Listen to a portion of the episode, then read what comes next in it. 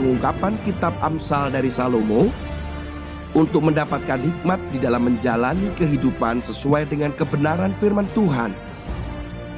Dibawakan oleh Tony Nardiwiono. Selamat mendengarkan.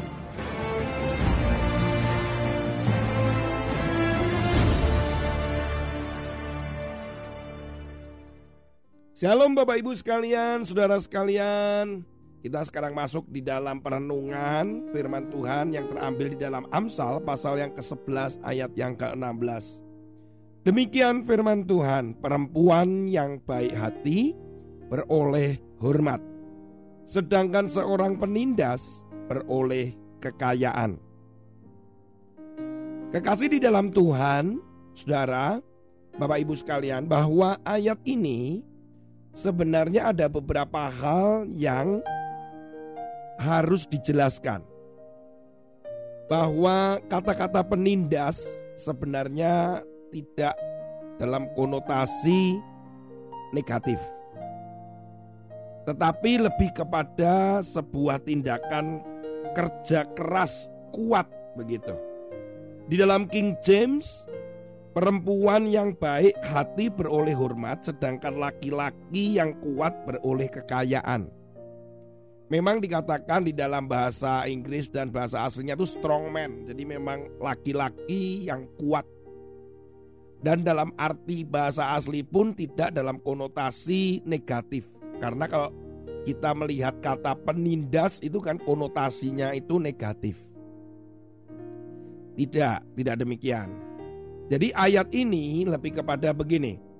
Ketika orang itu melakukan kebaikan hati, itu yang dia dapat itu adalah kehormatan, kemuliaan. Sementara kalau kita melakukan yang kaitannya dengan kekuatan, kemudian usaha, tapi apakah itu baik atau tidak, yang penting kan usaha gitu ya, kerja keras begitu saja.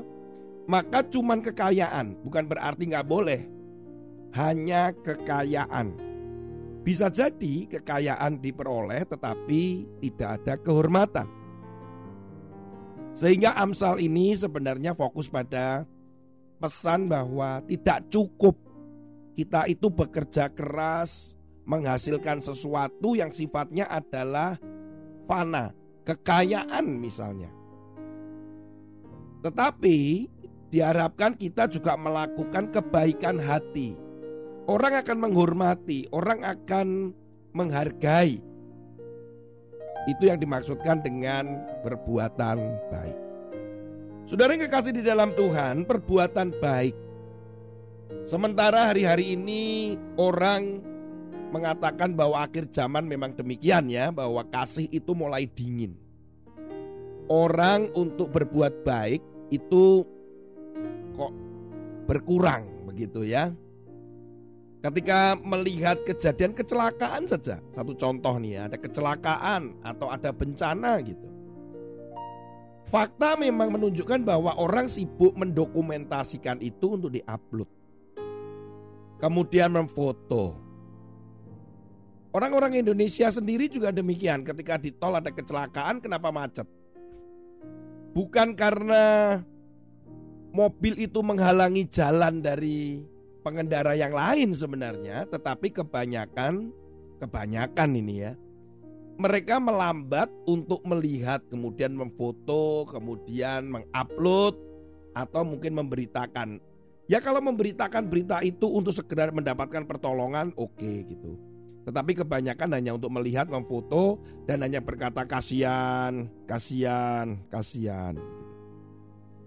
Saudara, secara naluri karena kita ini adalah ciptaan Tuhan, di mana ada roh Tuhan di dalam saudara dan saya, sebenarnya untuk menolong itu adalah naluri manusia. Untuk menolong satu dengan yang lain. Apalagi kalau kita sekota, apalagi kalau kita sebangsa, apalagi kalau kita seiman, biasanya manusia akan cenderung lebih mudah menolong walaupun mungkin tidak kenal. Tetapi apakah benar pertolongan itu hanya melakukan membantu saja, saudara kekasih dalam Tuhan, ternyata kata-kata berbuat baik itu di dalam bahasa aslinya, dalam bahasa Ibraninya yang banyak tertulis di Mazmur sebenarnya, yaitu keset. Keset, baik hati atau hasad. Setidaknya ada 245 kali ditulis di dalam perjanjian lama. Sementara itu kalau dalam bahasa Yunani, Kristos itu sebanyak 14 kali. Kalau kita ingin tahu tentang baik hati seperti perempuan tadi yang ditulis di dalam Amsal, maka kita bisa melihat dari bahasa asli dan maksudnya.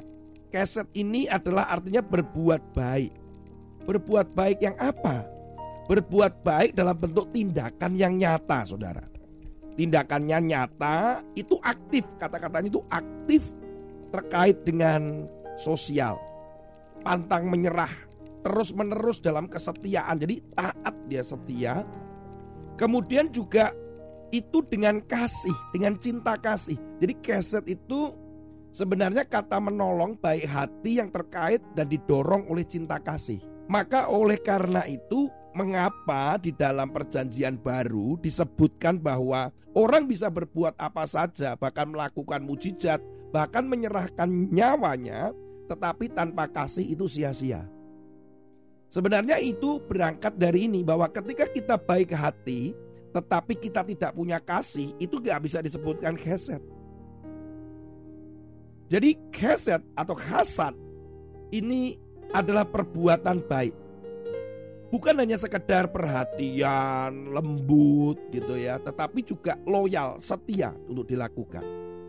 Dan kaitannya adalah aktif dalam kaitan sosial, pantang menyerah, ya bersedia untuk terlibat langsung. Yaitu tindakan yang melindungi, ya menunjang kehidupan, turun tangan langsung membantu orang yang menderita kemalangan atau kesusahan. Yang di mana juga ada satu hati perasaan untuk bersahabat. Dan kemudian orang-orang yang baik hati itu adalah orang-orang yang mengejar kebaikan. Mengejar yang baik. Sementara dalam kata baik hati dalam bahasa Yunani di perjanjian baru, Kristos itu artinya orang yang berguna, berfaedah, bermanfaat. Saudara, kebaikan kita ini bisa berguna, berfaedah, bermanfaat. Dan itu memberikan dampak. Mungkin kita tidak mendapatkan sesuatu secara materi. Karena jangan sampai kita berbuat baik itu selalu harapannya mendapatkan imbalan. Tuhan lihat, Tuhan tahu apa yang kita lakukan. Dan dasarnya itu kasih apa bukan itu Tuhan tahu. Sehingga saudara dapat kehormatan atau tidak, kemuliaan atau tidak. Karena perbuatan baik yang didasari oleh kasih atau tidak. Saudara kekasih di dalam Tuhan, saya masih ingat sekali bagaimana ada orang berbuat baik kepada saya dan saya sampai hari ini saya menghormati orang itu. Ketika saya tidak bisa meneruskan cicilan apartemen waktu itu.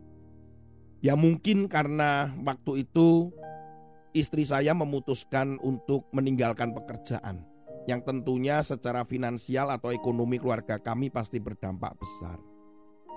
Sehingga dalam satu tahun kami mencicil itu sebenarnya itu diperuntukkan kalau ada hamba Tuhan datang mereka bisa menginap di situ Kemudian juga sekaligus untuk anak-anak misalkan ketika kami merencanakan sekolahnya memang dekat di sana sehingga anak-anak bisa siang di sana kemudian belajar di situ.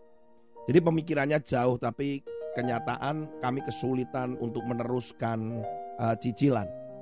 Dan setelah diperingatkan oleh developer dalam waktu yang lama akhirnya uh, akan mendapatkan penalti artinya akan dijual kepada orang lain karena saya memang nggak mampu lagi sudah sampai peringatan ketiga saat itu sebenarnya apartemen ini saya rahasiakan kepada anak-anak kelak kalau memang sudah selesai kami akan berikan kejutan kepada mereka dan apa yang terjadi singkat cerita karena memang tidak bisa meneruskan maka saya membuka ini kepada anak-anak kemudian menunjukkan apartemen itu karena dalam kondisi pembangunan waktu itu. Bayangkan saya ingin memberikan surprise tapi malah memberikan satu informasi fakta bahwa kejutan itu menjadi duka buat mereka karena uh, rencananya akan saya jual waktu itu. Dan saat itu saya masih menantang anak-anak untuk berdoa. Kalau memang ini dari Tuhan dan kalau memang ini Tuhan izinkan, maka masalahnya akan selesai. Tapi tidak tahu selesai di mana sudah serius karena memang secara manusia tidak memungkinkan. Kemudian saya mulai menawarkan apartemen ini ke beberapa orang. Ada satu orang menawar dan sebagainya untuk meneruskan cicilan dan seterusnya. Dan saya bilang untuk minta kembalian lah dan seterusnya. Tetapi pada penawaran kedua orang yang kedua sangat mengejutkan dan dia berkata, tolong kamu ke rumah saya. Kemudian uh, berikan semua dokumen-dokumen itu. Wah, saya bilang wah ini benar nih sudah laku nih. Karena saya tahu orang ini suami istri keluarga ini baik hati dan dia mampu untuk membeli itu karena dia seorang pengusaha dan pemilik perusahaan. Nah, saat itu saya membawa dokumen ke rumahnya semuanya uh, akte dan seterusnya. Sudah kasih dalam Tuhan. Dia bilang, "Ya akan saya pelajari," katanya. Kemudian saya pulang dan satu kali dalam perjalanan pelayanan dia bersama-sama dengan saya. Kemudian di bandara itu saya masih ingat itu di bandara Bali, saudara. Saya gak kuat ini mau nangis ya. Di bandara di Bali. Kemudian dia pegang pundak saya. Dan waktu itu uh, kami habis pelayanan di Bali. Uh, kemudian di bandara dia berkata kami akan tolong kamu. Dan saat itu dia pegang pundak saya dan dia bilang, kita ini saudara. Dan saya diperintahkan Tuhan untuk menolong kamu. Kalau aku bisa, aku akan tolong. Dan aku memang mau nolong kamu. Dan saat itu, uh, solve the problem. Uh, dia menutup hutang saya yang uh, tidak bisa mencicil waktu itu Kemudian dia meneruskan cicilan sampai lunas tanpa ganti nama. Saudara, uh, ketika dia bilang, uh, saya disuruh Tuhan, dan saat itu dia bilang bahwa kita ini saudara, kita ini keluarga. Itu membuat saya nangis. Ya sampai saya nggak percaya ada orang yang baik hati menolong. Tentunya dia tidak mengharapkan imbalan dari saya. Sampai hari ini pun kami tetap berusaha untuk walaupun tidak secara langsung tapi kami terus berusaha untuk mengembalikan apa yang dia sudah taburkan dan apa yang mereka sudah tolong. Sudah kasih dalam Tuhan. Masih ada orang yang baik. Tuhan bisa pakai saudara, pakai siapa saja untuk menolong. Baik hati. Dunia ini memerlukan saudara yang punya kebaikan hati Kebaikan hati adalah karakter yang Kristus punya yang saudara dan saya harus lakukan. Jangan pernah berpikir untuk mendapatkan imbalan. Biarkan Tuhan sendiri yang mengatur secara strategi bagaimana saudara tetap terpelihara ketika saudara menolong orang lain dengan berbaik hati. Itu yang diteruskan dan kita harus melakukan. Saya menghormati orang ini. Saya menghormati banyak orang yang mana menolong kami. Mungkin kami belum bisa membalas atau belum bisa mengembalikan apa yang mereka lakukan. Tapi kami juga akan lakukan kepada orang lain. Saudara kekasih di dalam Tuhan, saudara mendapatkan kehormatan ketika saudara baik hati. Tapi ingat, dasarnya harus kasih. Karena memang kasih itulah yang mendasari kebaikan hati. Sementara di dalam kata heset sendiri itu sebenarnya ada kata-kata cinta kasih di sana. Seorang rabi utama namanya Rabi Simon. Dia pernah mengajarkan demikian. Dunia ini berlandaskan tiga hal katanya. Ini adalah di dalam etika Yahudi. Yaitu Taurat, pelayanan kepada Allah, dan mencurahkan cinta kasih. Hesed.